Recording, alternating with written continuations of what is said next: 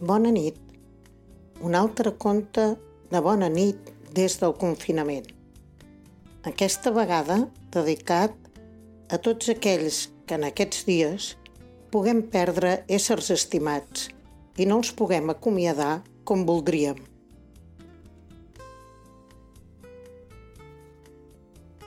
L'àvia de dalt i l'àvia de baix. Tomi de Paula. Quan en Pau era petit, tenia una àvia i una besàvia. Se les estimava molt totes dues. El diumenge a la tarda les anava a veure. L'àvia sempre era baix a la cuina. La besàvia sempre era dalt al llit, perquè tenia 94 anys. En Pau les anomenava l'àvia de dalt i l'àvia de baix. Cada diumenge era el mateix. En Pau entrava corrent a la casa, deia hola a l'avi i a l'àvia de baix i pujava a veure l'àvia de dalt. Agafa un caramel, deia l'àvia de dalt. I en Pau obria la capsa de cosir que hi havia al damunt de la calaixera i era plena de caramels de menta. Un dia, l'àvia de baix va asseure l'àvia de dalt en una cadira. Després la va lligar perquè no caigués. I per què ha de caure? va preguntar en Pau. Perquè té 94 anys, va dir l'àvia de baix. Jo tinc 4 anys, va fer en Pau.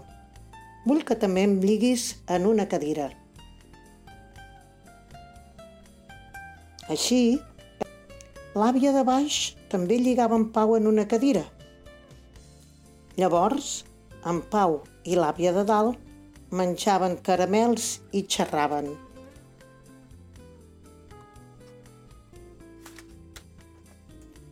L'àvia de dalt li parlava dels follets.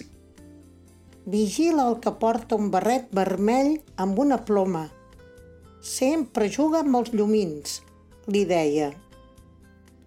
D'acord, feia en Pau. Mira-te'l, deia l'àvia. És allà, amb la pinta i el raspall. El veus? En Pau feia que sí amb el cap.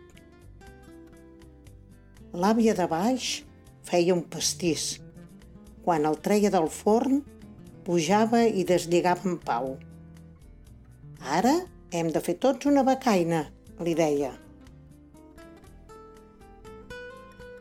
Després de la becaina, l'àvia de baix pentinava l'àvia de dalt, que tenia uns cabells blancs molt bonics. I aleshores es pentinava ella.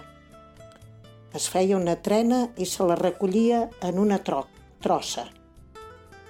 Sembla una cua de cavall, deia en Pau. Un dia, el germà gran d'en Pau va entrar a l'habitació i va veure l'àvia de baix amb els cabells deixats anar. Sembla una bruixa, va dir.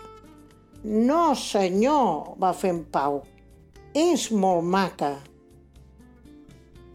És l'hora del gelat, cridava l'avi. I s'enduia els dos germans a la gelateria. De vegades també hi anaven el pare i l'oncle Carles. Quan tornaven, era l'hora de pujar al sopar a l'àvia de dalt. En Pau li portava la safata amb molta cura per no caure per les escales. Un dia, el pare d'en Pau va filmar la família. L'àvia de dalt i l'àvia de baix, amb el Pau al mig. Un matí, quan en Pau s'acabava de llevar, la mare li va dir «S'ha mort l'àvia de dalt». «Què vol dir, s'ha mort?» «Vol dir que ja no la veurem més», va respondre la mare. Van anar a casa els avis, tot i que no era diumenge. En Pau va pujar al pis de dalt sense dir ni hola. Va entrar a l'habitació de l'àvia de dalt. El llit era buit.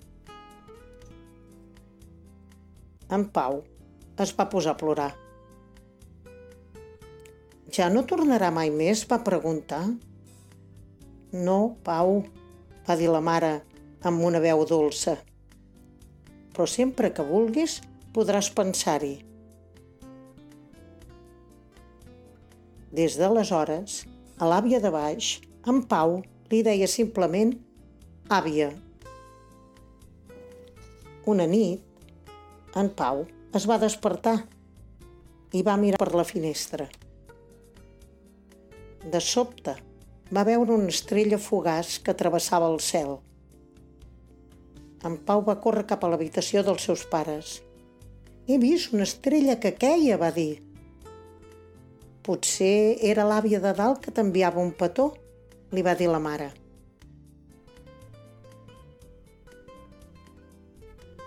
El temps va passar i en Pau es va fer gran. L'àvia de baix cada vegada era més velleta. Passava moltes estones al llit com l'àvia de dalt. I després també es va morir. Una nit, en Pau mirava per la i va veure una estrella que queia. Ara les dues sou àvies de dalt, va pensar. Bona nit.